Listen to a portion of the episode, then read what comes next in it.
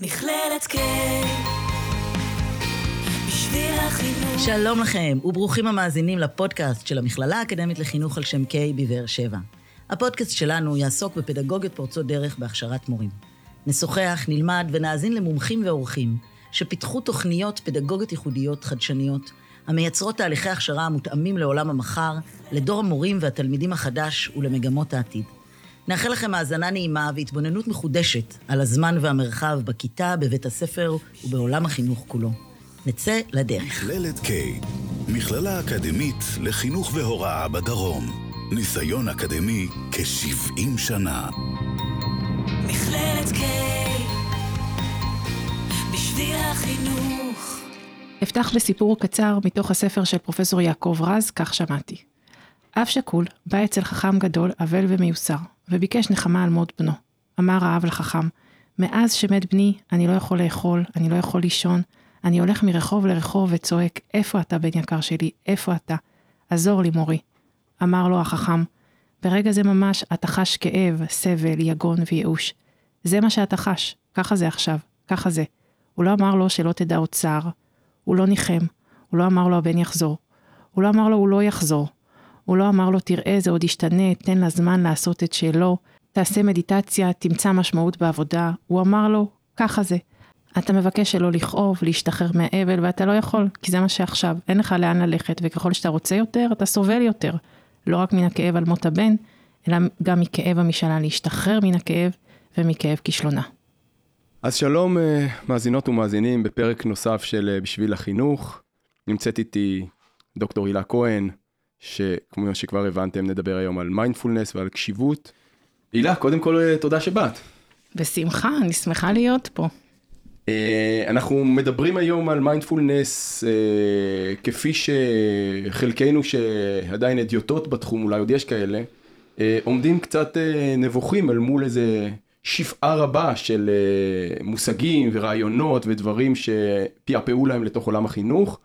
Uh, אנחנו קודם כל רוצים לדעת מה זה בכלל מיינדפולנס לפני שנדבר על חינוך ונצלול עמוק לתוך העולם שלו ושל הכשרת המורים. מעולה. אז uh, זאת באמת השאלה. קודם כל, מיינדפולנס, תשומת לב לכאן ועכשיו, ברגע הזה, באופן מכוון ובלתי שיפוטי. הרעיון המרכזי במיינדפולנס הוא תשומת לב, טיפוח נוכחות במה שיש כאן. החיים מתקיימים בהווה, לא בעבר ולא בעתיד, ובמיינדפולנס אנחנו מטפחים את היכולת שלנו להיות נוכחים מרגע לרגע, באופן מכוון ובלתי שיפוטי. כלומר? כלומר שההגדרה כוללת שלושה מרכיבים. המרכיב הראשון מתייחס לוויסות קוגניטיבי, הפניית הקשב שלנו למה שקורה עכשיו, למשל פה בשיחה בינינו. אני מפנה את אלומת הפנס לשיחה עכשיו, לשאלות שלך, לאופן שבו אתה שואל, למבט, לעניין וכולי. ואני באה עם איזושהי גישה מסוימת, גישה שהיא סקרנית, פתוחה, נדיבה, לא שיפוטית, מקבלת, ואני עושה את זה עם כוונה מסוימת, אני עושה את זה עם כוונה להיות כאן ועכשיו. אני, כשאני מתרגלת מיינדפולנס, אני מתרגלת כוונה. התודעה שלי נוטה ללכת למקומות אחרים, יש לה סדר יום משלה, היא לא כפופה לרצון. התודעה נוטה להיות בעתיד או בעבר, והנוחות בהווה לא נוחה לה, ולכן אנחנו נדרשים לתרגל, ולכן זה כל כך לא פשוט לנו לתרגל כאן ועכשיו. ומיינדפולנס בדיוק עושה את זה. הוא הולך למקום שלא נוח לנו, והוא אה, מסייע לנו בעזרת כל מיני פרקטיקות. פרקטיקות שנדבר עליהן, איך לתרגל נוכחות ברגע הזה. הרעיון הלמעשה משולש הזה, יש בו גם את המימד הקוגניטיבי וגם את המימד הרגשי, התודעתי והתרגולי, אמ, הוא מאוד מוזר, לפחות על פניו, ותכף אתה תסבירי לנו למה הוא לא רק מוזר, אלא למה הוא חשוב, כי אנחנו בעידן תרבותי שמתזז אותנו, שגורם לנו לרוץ ממקום למקום ולפתוח המון טאבים ולפתוח חלונות, והרבה פעמים אומרים לנו בתהליך החינוך של הסוציאליזציה, חברים, אתם צריכים לעשות אדפטציה לעולם הזה. אז אה, אנחנו אומרים לי לפתוח המון חלונות ולקפוץ ולנדוד, ופתאום את באה ואומרת לנו, רגע, עצרו, לא רק שזה לא מה שאני רוצה שתעשו, אלא ההפך, אני רוצה לאמן אתכם ולעזור לכם ללמוד לעשות את הדבר הזה, שהרגע קראת לו משהו הרבה יותר עמוק וסטטי. נכון. תסבירי אני... לנו איך, אה, איך ובשם מה. אנחנו אה, מטפחים נוכחות כאן ועכשיו כתשובה לה, להצפת ה... להצפה בידע. אה, מיכה גודמן, אה, כתב ספר שנקרא מהפכת הקשב, ואנחנו מוצפים בידע ללא הכר, וממש מדברים על השמנה, על לוביסט, מ- ב- ב- בידע, והטכנולוגיה עובדת אה, בלי סוף, כדי שאנחנו נגור בתוך המכשירים. ומיינדפולנס בעצם נותן איזושהי תשובה לעסקה הזאת, לעסקה שמתחפשת לקדמה. ובעצם הוא אומר, רגע, רגע, רגע, שימו לב. שימו לב שכשאתם נותנים את הזמן שלכם ותשומת הלב שלכם בחינם, אתם משלמים עליה, על זה מחיר יקר. אתם לא כל כך מודעים למחיר, אתם בעיקר אה, נמשכים לעוצמה ש, שנמצאת בקדמה. אנחנו רוצים משהו, אז מיד אנחנו משיגים אותו, אנחנו נכנסים לגוגל והכל נמצא שם, אבל בעצם יש לזה מחיר, אתם לא מתמקחים על המחיר. אתם לא מנהלים משא ומתן. זה לא נתפס בעיניכם כמשאב חשוב. מיינדפולנס בא ומגיע, זה משאב, בא ואומר, זה משאב מאוד חשוב. הזמן שלכם, אין יקר ממנו. תשומת הלב שלכם, זה החיים שלכם. אין משהו אחר. כאן ועכשיו, זה החיים שלכם. את החיים שלכם אתם נותנים בתמורה לאיזושהי חוויה שהיא ריקנית, שהיא דלה, שיכולה להיות הרבה פעמים מאוד סטרילית, כי המסכים מאוד ערוכים, ההודעות בוואטסאפ זאת תקשורת שהיא דלה, והיא לא נותנת מענה לצורך שלנו בקשר, אה, או שהיא נותנת מענה מאוד מאוד מצומצם וחלקי, אבל אנחנו מסתפקים, אנחנו מסתפקים בממתקים ולא בארוחה שלמה. ארוחה שלמה זאת שיחה כזאת שמתנהלת פנים אל פנים, אה, והיא כוללת בתוכה הרבה רבדים והרבה תדרים, ויש בה קול, ויש בה אה, שפת גוף, ובהודעות, במסכים, אנחנו, אנחנו אה, משמיטים את כל אלה, ואנחנו נשארים עם משהו ערוך, ערוך היטב, נשלט היטב, ו, ו, והתחושה היא באה לידי ביטוי בריקנות, בבדידות, אה, וזה בעוכרינו. והמיינדפולנס בא לתת איזושהי תשובה לסיפור הזה, שאנחנו ככה נמשכים עליו ללא שום בקרה. כלומר, את מציגה לנו בניגוד לדימוי הרווח של השאנטי למיניהם והרוחניות, הרבה פעמים אה, מבט כמובן אה, רדוד וביקורתי אה, על העולם הזה של ה-New Age, את אומרת, יש פה עמדה שהיא ביקורתית הרבה יותר ממה שמבט רדוד מבחוץ מבין. אנחנו ביקורתיים מאוד כלפי תהליך מאוד עמוק שקורה, הדיגיטציה ומה שקראת לו העסקה עם הטכנולוגיה שבה אנחנו נותנים בלי משים את הקשב והתודעה שלנו, וחושבים שהרווחנו משהו בקלות ובחינם, ומתקשרים לכל העולם ומתקרבים אליו, ואת אומרת, לא רק שלא התקרבתם, עוד התרחקתם, במושג של המאה ה-19 וה-20, ניכור כמובן, ואתם מתנכרים מחלקים מאוד עמוקים ורחבים בכם. כלומר, אתם מציעים איזשהו מבט הרבה יותר רחב על המבנה האנושי ועל התקשורת האנושית, שהמיינדפולנס אמור להחזיר אותנו או לתת לנו אפשרות לגעת בה, אם אני מבין. מיינדפולנס אושר להתפתחות אישית. הוא לא הפתרון לכל הבעיות, אבל הוא כן יוצר איזושהי תשתית שיכולה להוביל אותנו כדי ליצור איזושהי תקשורת שתענה על הצורך שלנו בקשר. וה...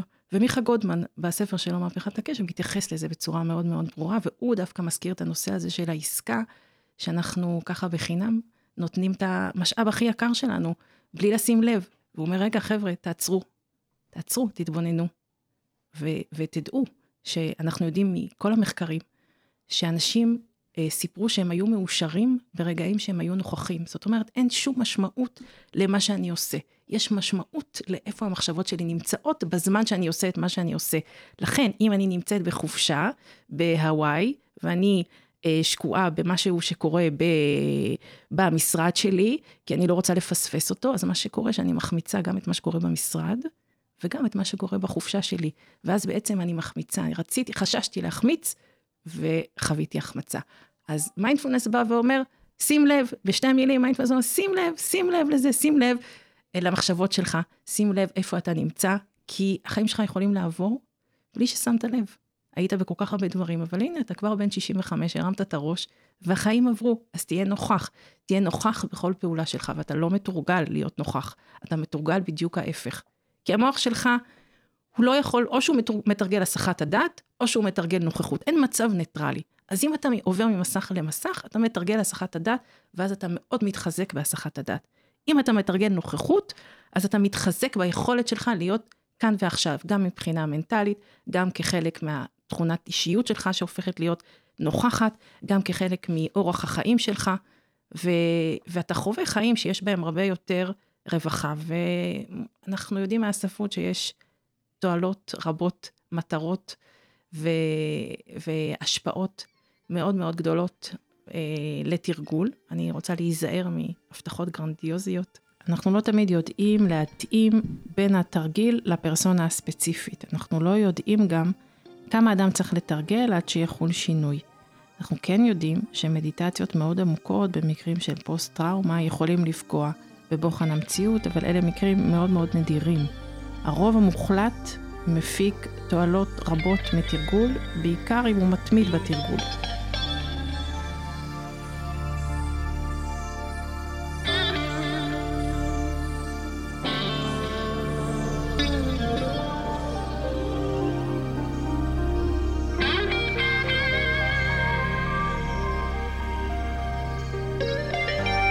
מבחינתי, חלק מהתפקיד שלנו, או התפקיד שלנו, הוא לגדל בני אדם. וכשאנחנו מגדלים בני אדם, אנחנו צריכים להתייחס גם לעולמם הפנימי. כי אה, מה שבנפשם הוא זה, הוא זה שמנהל אותם, ולכן אנחנו צריכים אה, קודם כל לעזור לעצמנו להתפתח, ואנחנו צריכים לעבור תהליך של התפתחות אישית. ואולי זו המתנה הגדולה ביותר שאנחנו יכולים לתת לילדים שלנו. ולהתפתחות אישית אני מתייחסת, אני קוראת לדע את עצמך. זאת אומרת, תכיר תלמד את התודעה שלך. ובמיינדפולנס, כשאתה לומד את התודעה, אתה גם משנה אותה. אתה לא רק לומד אותה, אתה גם חוקר אותה, ואתה גם משנה אותה במקביל. וחלק מדע את עצמך, זה דע את ייעודך, ודע את תפקידך. ו, וכשתדע מי אתה, תוכל גם לפנות החוצה וללמוד לפתור בעיות במתמטיקה, וללמוד על מלחמת העולם השנייה, וללמוד מה שאתה צריך ללמוד. אבל חשוב גם שתדע את עצמך. חשוב שתדע שברגע שהמורה למתמטיקה אמרה שיש מבחן במתמטיקה, אתה נאטמת כי החרדה עלתה, אתה כבר לא נמצא בשיעור. חשוב שגם המורה תדע שיש לזה השפעה, שהיא אמרה שיהיה מבחן במתמטיקה, החרדה עלתה. ו, ורק אם אנחנו נלמד מה קורה לנו בתוכנו, אז נוכל להתפתח ולהתקדם. ו, וזה חלק, חלק מההתפתחות האישית, זה איך אני מאפשרת לכל אדם למצות את עצמו ומאפשרת לו מסלול התפתחות שמתאים לו, זה התפקיד שלנו, לאפשר לכל תלמיד ותלמיד את מרחב ההתפתחות הדרוש לו כדי למצות את היכולות שקיימות בו, ובשביל זה אני צריכה גם להקנות לו את היכולת שלו ללמוד את עצמו. כמו שאריסטו אמר, ולא רק אריסטו, ההתבוננות, והיא לא קלה, ההתבוננות הפנימית הזאת שאנחנו מנסים ככה עכשיו ללמוד אותה יותר ויותר. נהדר, אז בעצם את עונה לנו לשאלה שדמיינו אבל עוד לא שאלנו למי מיועד העולם הזה של מיינדפולנס והרגע אמרת לכולם לכל תלמיד ותלמידה גם לא לצעירים במיוחד כלומר גם לנו גם לצוותי החינוך ובחצי השני של השיחה שלנו אנחנו נדבר על ההקשר החינוכי אה, אבל לפני זה אה, שאלה עלייך פסיכולוגית אה, או מגיעה מהעולם של פסיכולוגיה ויזמות ודברים כאלה. אמ, תספרי לנו בשתי מילים אה, איך מגיע מישהי שעושה דוקטורט על נושא קצת שונה לעולם המיינדפולנס ויותר מזה היום ללמד אותו במכללה.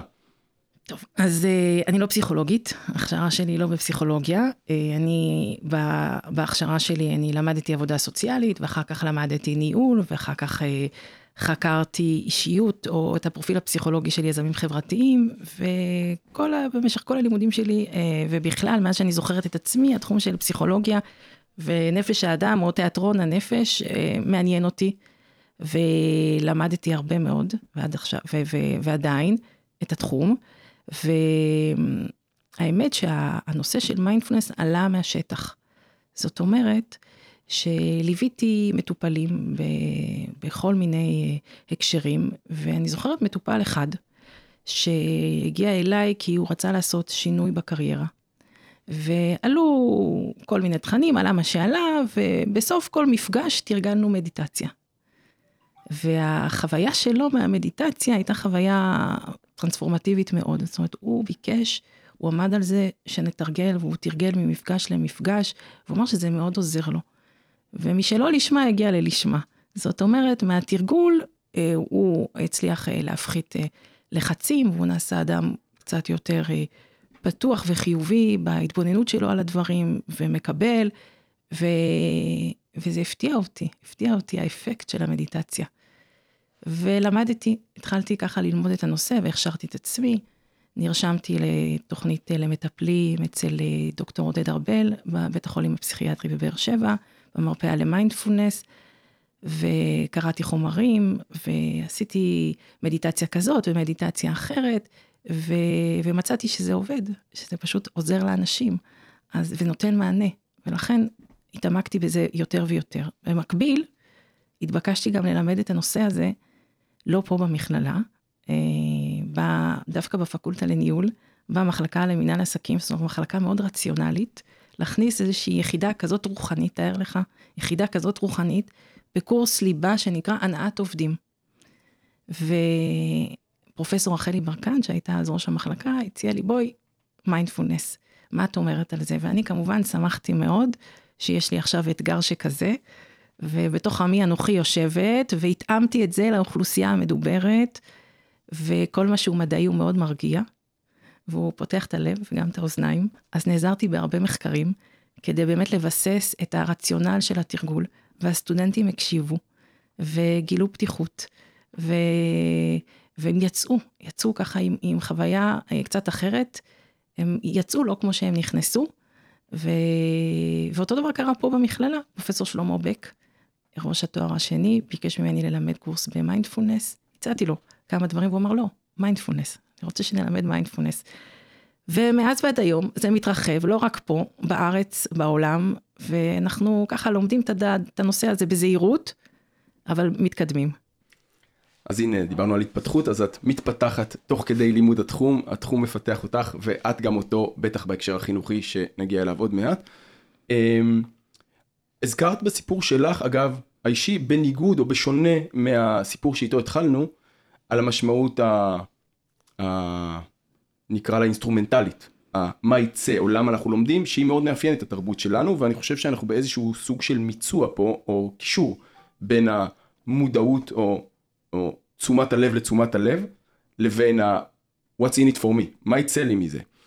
אמ, והמימד האינסטרומנטלי הוא, הוא חשוב גם לשומעות ולשומעים שלנו, אז מהמחקרים הארוכים והרבים שקראת וממה שנוכחת בעצמך, למה זה טוב? מה היתרונות של מיינדפולנס אה, בהקשר הספציפי אישי וגם בהקשר החינוכי, כפי שאת מבינה אותו היום? אני אתייחס לזה, אבל אני רק אומר שצריך גם להתייחס לזה בזהירות ובביקורתיות. אבל בכל זאת, כדאי לציין, כי יש אה, מעל, יש הרבה מאוד תועלות שמופיעות במחקרים. אה, ארגז והדר מונים מעל 91 השפעות ומטרות למיינדפולנס במישור הקוגניטיבי, שזה אומר מבחינת יכולת היזכרות, התמודדות יותר טובה עם מצבי לחץ, שיפור היכולת, שיפור הריכוז, היכולת להיות בריכוז לאורך זמן, פתרון בעיות, יצירתיות גבוהה יותר, כתוצאה מתרגול. זאת אומרת, אחרי שאני מתרגלת, אני יכולה לפתור בעיה בצורה בהירה יותר. המציאות בהירה יותר, אני פחות מוסחת, אני יכולה להתרכז לאורך זמן. זה מבחינה קוגניטיבית. מבחינת, מבחינה רגשית, ויסות רגשי, אמפתיה, חמלה, נדיבות, נתינה. תראה, יש הרבה סופרלטיבים. וכולם מגובים במחקרים אגב, שוב פעם, או, או, או במחקרים לפחות עם ממצאים שחוזרים על עצמם בכמה וכמה, נכון. אנחנו, אנחנו נתבונן בהם באופן ביקורתי, לפחות נאמר אותם, כמו שאמרת, נכון. זו לא הגאולה, אבל זה בהחלט ידע, תשתית. ידע שהולך ומצטבר, גם נחקר, כי אנחנו במדע אוהבים לחקור ו- ולהיות בטוחים. שנותן הרבה מאוד תועלות, מנית לנו גם קוגניטיביות, גם רגשיות. וגם, וגם פיזיולוגיות. בעצם הסיפור של מיינדפולנס התחיל מלהתמודד עם כאב כרוני, עם התמודדות עם לחץ. ג'ון קבט סין הביא את ה... יישם את הפרקטיקה הזאת של התרגול על חולים שסבלו מכאב כרוני, ומצא שתרגול של שמונה מפגשים מפחית בשיעור ניכר את הכאב הכרוני, ועוזר למטופלים מסוגים שונים. להתמודד עם לחץ, הוא מחזק את מערכת החיסון, הוא עוזר גם לחולים חולים סופניים להתמודד עם, ה, עם המצב, והוא מיטיב את, את, את החיים שנותרו להם, את איכות החיים שיש להם, ו, ואנחנו יודעים שהתרגול יוצר שינוי תפקודי מבני במוח. למעשה, מוח של אדם מתרגל שונה ממוח של אדם שלא מתרגל, ואנחנו רואים, ממש עשו צילמו ב-MRI וכל מיני uh, מדיות, uh, שינויים שנעשים, uh, ש, ש, שמתרחשים במוח, ככה שהאזורים של הוויסות הרגשי uh, גדלים ומתחזקים, והאזורים של החרדה והלחץ קטנים ונחלשים. זאת אומרת שאדם שמתרגל חזק יותר מבחינת, מבחינה נפשית, החוסן שלו להתמודד עם המציאות גדל וזה חוסן זה משהו שאין ספק שאנחנו נזדקק לו. זאת אומרת, אנחנו לא יכולים לדעת מה יהיו המקצועות בעתיד, אנחנו כן יכולים לדעת שבוודאות אנחנו נזדקק לחוסן ועמידות. אז חוסן ועמידות אה, מתפתחים כתוצאה מתרגול, מהתבוננות, מלהיות במקום שלא נוח לנו. אז למעשה כשאני מסתכל עכשיו על שדה החינוך אנחנו רואים אה, שלושה אה, גלים אולי דורות או לפחות אופנים שבהם המיינדפולנס אה, מתממשק עם עולם החינוך. השלב הראשון הדי בראשיתי היה כמו שאני מכנה אותו השלב הפוליטי שבו נכנסה בסערה איזושהי אה, אה, אופנה או תופעה חדשה שהמאירי ההחלטה רצו לאמץ ואמרו בואו נעשה מיינדפולנס ועוד לא היינו לגמרי מקצועיים או חלקנו אה, אה, עוד לא לגמרי הבין מה זה. אנחנו אה, תמיד אה, אומרים שיש כל מיני אופנות בעולם החינוך.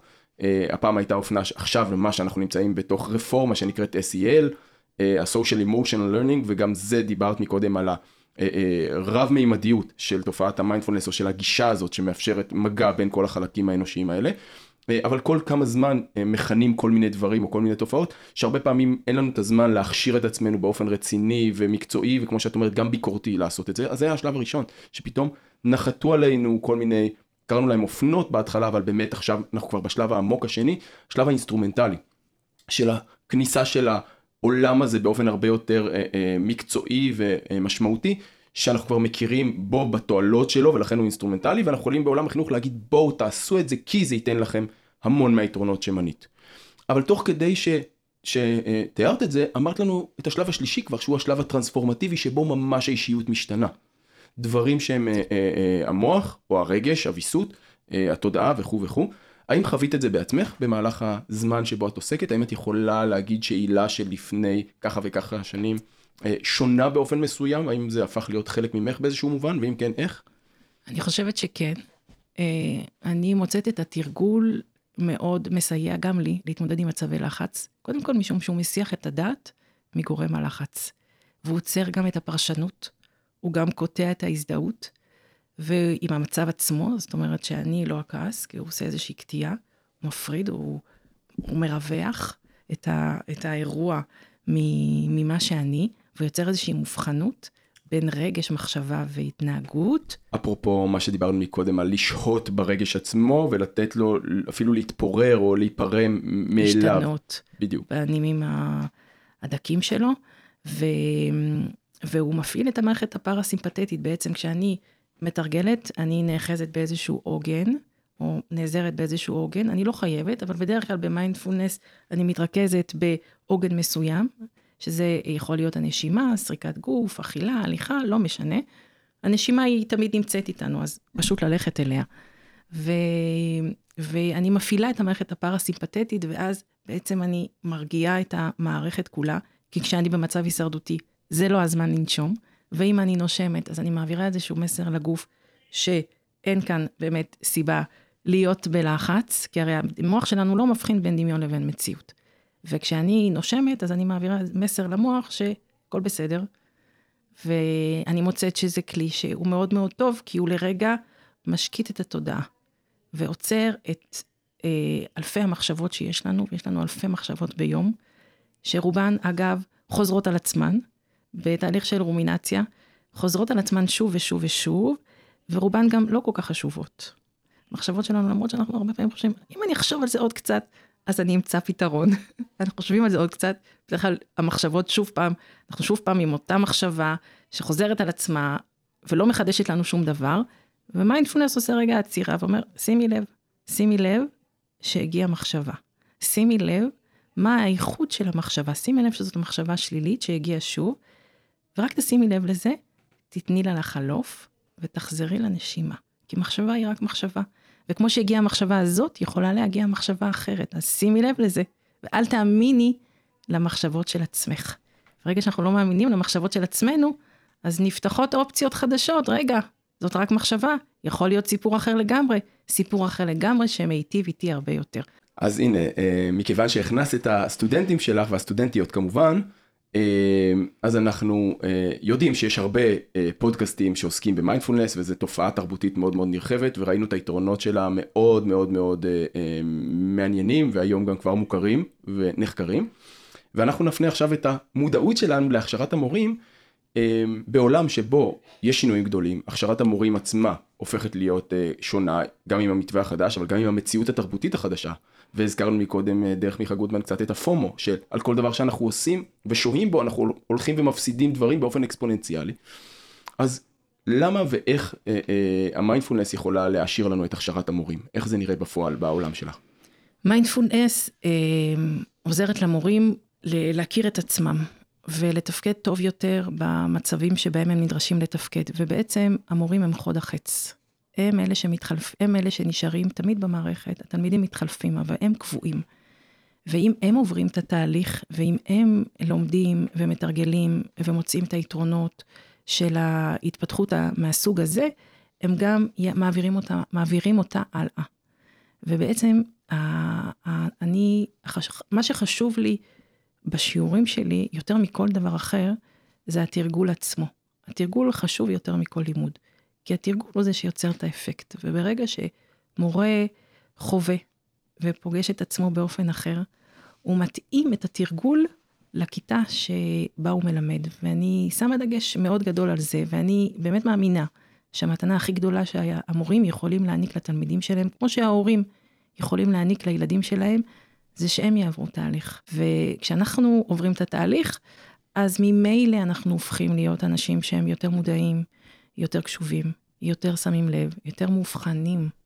מאובחנים, מה ששלי שלי, מה ששלך שלך, למרות שאנחנו כל הזמן משפיעים אחד על השני, ואני לא נגמרת פה, או אני, אני נגמרת, יכולה להיגמר גם במקום אחר, אבל עדיין יש את, את, את מה שאני מביאה ומה שאתה מביא, ואני יוצרת איזושהי הבחנה בין, בין אה, מובחנות בין אישית, ביני לבינך, וגם תוך אישית, בין ההתנהגות לרגש וכולי, כמו שהזכרתי. אז בעצם את אומרת, עיקר העשייה שלנו, כשמה כן היא עשייה, כלומר אנחנו מתאמנות או, או מתרגלות את המיומנות הזאת, המיומנות התודעתית, שכמו שראינו אנחנו, היא הרבה יותר מתודעתית והיא גם טרנספורמטיבית. בעולם כל כך ציני, ובעולם שהציפיות מאיתנו הן להספיק חומר, ושהסטודנטיות רוצות אה, אה, מבחינתן ללמוד משהו, זה, זה להמשיך לייצר תכנים, איזה, איזה מפגשים זה מזמן לך עם הסטודנטיות, מה החוויות שלהן, מה התחושות שלהן בתחילת הקורס, באמצע הקורס, כי יש לנו מאזינות שאולי ירצו לתרגל ולהתחיל להיות פורצות דרך גם בהכשרת המורים, אז תשתפי אותם קצת אה, חוויות שלך. יש סקרנות ופליאה, ולפעמים גם גיחוך וביטול, של, אה, ו- ואחר כך קצת נכונות להתמסר, וקורים כל מיני דברים, וכל קבוצה היא שונה מרעותה. ו- ואני מתאימה גם את הקורס לקבוצה. ואני משלבת בקורס גם, ובכלל, אני חושבת שכל כל, אה, אה, תהליך צריך לשלב אה, לא רק את התרגול, אלא גם איזשהו היבט עיוני, מדעי, מחקרי, תיאורטי. ואני מביאה גם את זה, וגם חלק שהוא התנסותי, חווייתי, אה, שבו אנחנו מתרגלים, כמו שהם יכולים לתרגל עם תלמידים בכיתה, ואנחנו עושים את זה כל פעם קצת אחרת. אה, יש מדיטציות של חמלה, מדיטציות של אכילה, מדיטציות של סריקת גוף, מדיטציות של עוגן בנשימה, ואנחנו לומדו, לומדים על בשרנו מה האפקט של כל מדיטציה, וזה לא מיידי, מאוד מאוד חשוב להדגיש את הנושא הזה, שהעניין פה הוא ההתמדה, ו... ואנשים אה, לא מצפים גם לאיזושהי טרנספורמציה מאוד גדולה באופן מיידי בדרך כלל. ואני גם אומרת, נדרשת סבלנות, וחשוב לתרגל כל יום, גם אם זה חמש דקות, מאשר פעם בשבוע, חצי שעה. וככל שאנחנו מתרגלים יותר, אז זה נעשה לנו פשוט יותר, ואנחנו ככה מורגלים בזה, וזה הופך להיות הרגל, אבל חשוב לקבוע זמן, מקום, להקדיש לזה אה, את התשומת לב, ואנשים עושים את זה בבתים שלהם. אני שומעת מהרבה סטודנטים שהם מביאים את זה ל- לילדים. זאת אומרת שהם אה, קובעים זמן מסוים, שבו הם מתרגלים איזושהי מדיטציה עם הילדים שלהם. זה מקסים לשמוע. וואו, זה באמת uh, מרשים, ו- וזה מראה את הטרנספורמטיביות לא רק במימד האישי, אלא גם במימד, ה- במקרה הזה משפחתי או חברתי. זאת אומרת שהמעגלים הולכים ומתרחבים, והמיומנות הזאת הופכת להיות איזושהי שפה תרבותית או משפחתית או חברתית. אה, הורים כמו הורים רוצים לעשות את כל מה שהם יכולים למען הילדים שלהם, והם, ב- וזה זמן איכות מבחינתם.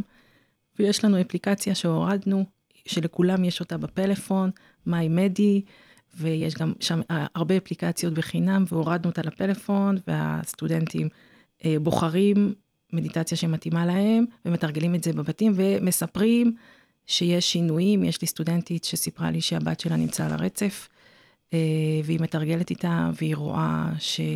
היא כתבה לי שהיא רואה שינוי, היא כתבה שינוי מדהים, והיא מאוד שמחה שזה נכנס לבית, וזה משהו אחר, וילדים מאוד מתמסרים, לא רק למדיטציה מסוג מיינדפולנס, אלא לכל מה שקשור להתבוננות.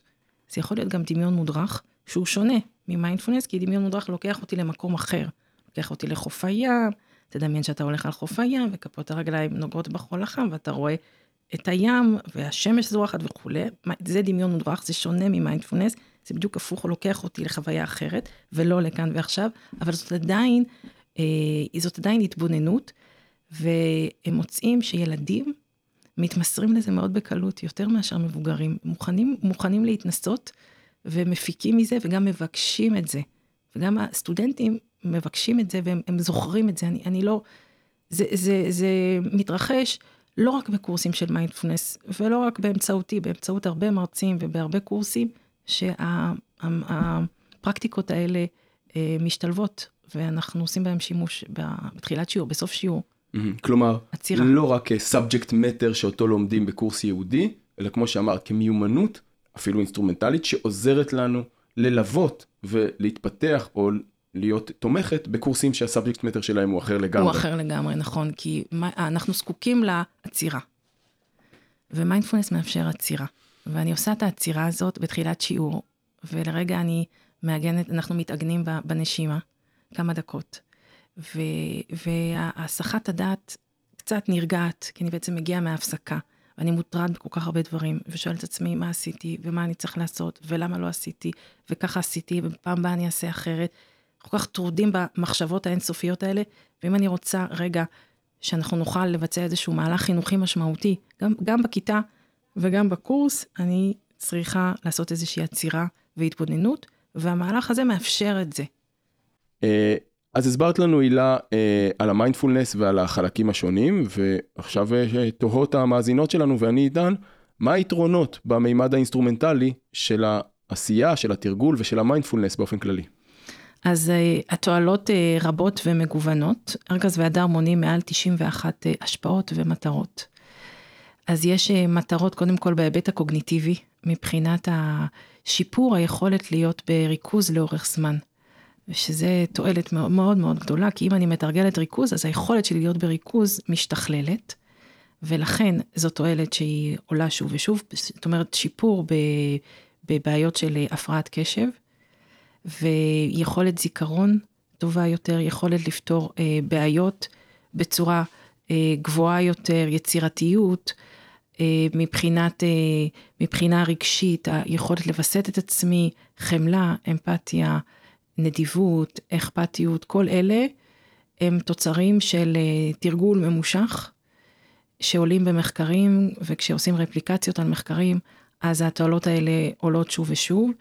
ויש גם אה, תועלת שהיא לגמרי מוכחת בהדמיה, ב-MRI, שבודקים את המוח של בן אדם שמתרגל, או איך נראה המוח של אדם שמתרגל לעומת המוח של אדם שלא מתרגל, ורואים שיש שינוי, ככה שהאזורים של הוויסות הרגשי פועלים חזק יותר וטוב יותר, מאשר האזורים של אה, החרדה והלחץ. זאת אומרת, האזורים של החרדה והלחץ נחלשים, והאזורים של.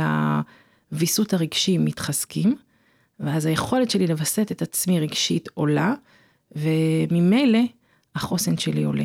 זאת אומרת, אני, אנחנו רואים שינוי מבני תפקודי, ממש מבני, במוח, של אנשים שמתרגלים לאורך שנים, ולכן מאוד מאוד חשובה ההתמדה, אם אנחנו באמת, לא, ש, לא שאנחנו צריכים לתרגל כי אנחנו אינסטרומנטליים, אנחנו רוצים להגיע לאיזושהי תוצאה מסוימת, אבל אנחנו מגיעים לתוצאה הזאת, למרות שזה לא לשמה, אה, ו, ו, ונוצר שינוי, ואנשים מדווחים על שינוי, לאחר תרגול ממושך. חשוב גם שהמורים, לכן מאוד חשוב לתת למורים את האפשרות להתנסות, ולעודד אותם להמשיך להתנסות, ולא להפסיק כשמסתיים הקורס, אלא להמשיך הלאה בעשייה החינוכית שלהם. חשוב שבתי הספר יאפשר, יאפשרו למורות הפוגות, עצירות לחקירה פנימית וחקירה חיצונית של מי שהן, של העשייה שלהן, פחות תזזיתיות, פחות מעברים חדים מכיתה לכיתה, מנושא לנושא, ויותר מיקוד, יותר מיקוד ועבודה מכוונת סביב תכלית מסוימת, סביב יצירת סביבה חינוכית רלוונטית, מתוכננת ברו, מראש. בעצם אנחנו צריכים לשאול מה אנחנו רוצים, ולמה אנחנו רוצים את מה שאנחנו רוצים. אבל זה נושא אה, לפודקאסט נוסף, שעוסק בתכנון של סביבה חינוכית. תודה.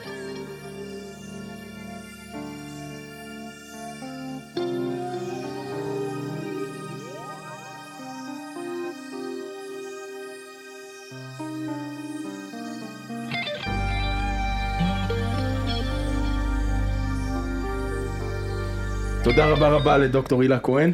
Uh, תודה רבה לחגי גלילי, העורך והמביא לשידור. תודה למרכז אדם ולמכללת K, שמאפשרת לנו לעשות uh, פודקאסטים על הכשרה פורצת דרך. תודה לך, דביר היקר, נהניתי מאוד. למדתי, השכלתי והייתי במודעות, לפחות השתדלתי מלאה. להתראות בפרקים נוספים, תודה רבה. מכללת K, בשביל החינוך. מכללת K מכללה אקדמית לחינוך והוראה בדרום. ניסיון אקדמי כ-70 שנה. מכללת K בשביל החינוך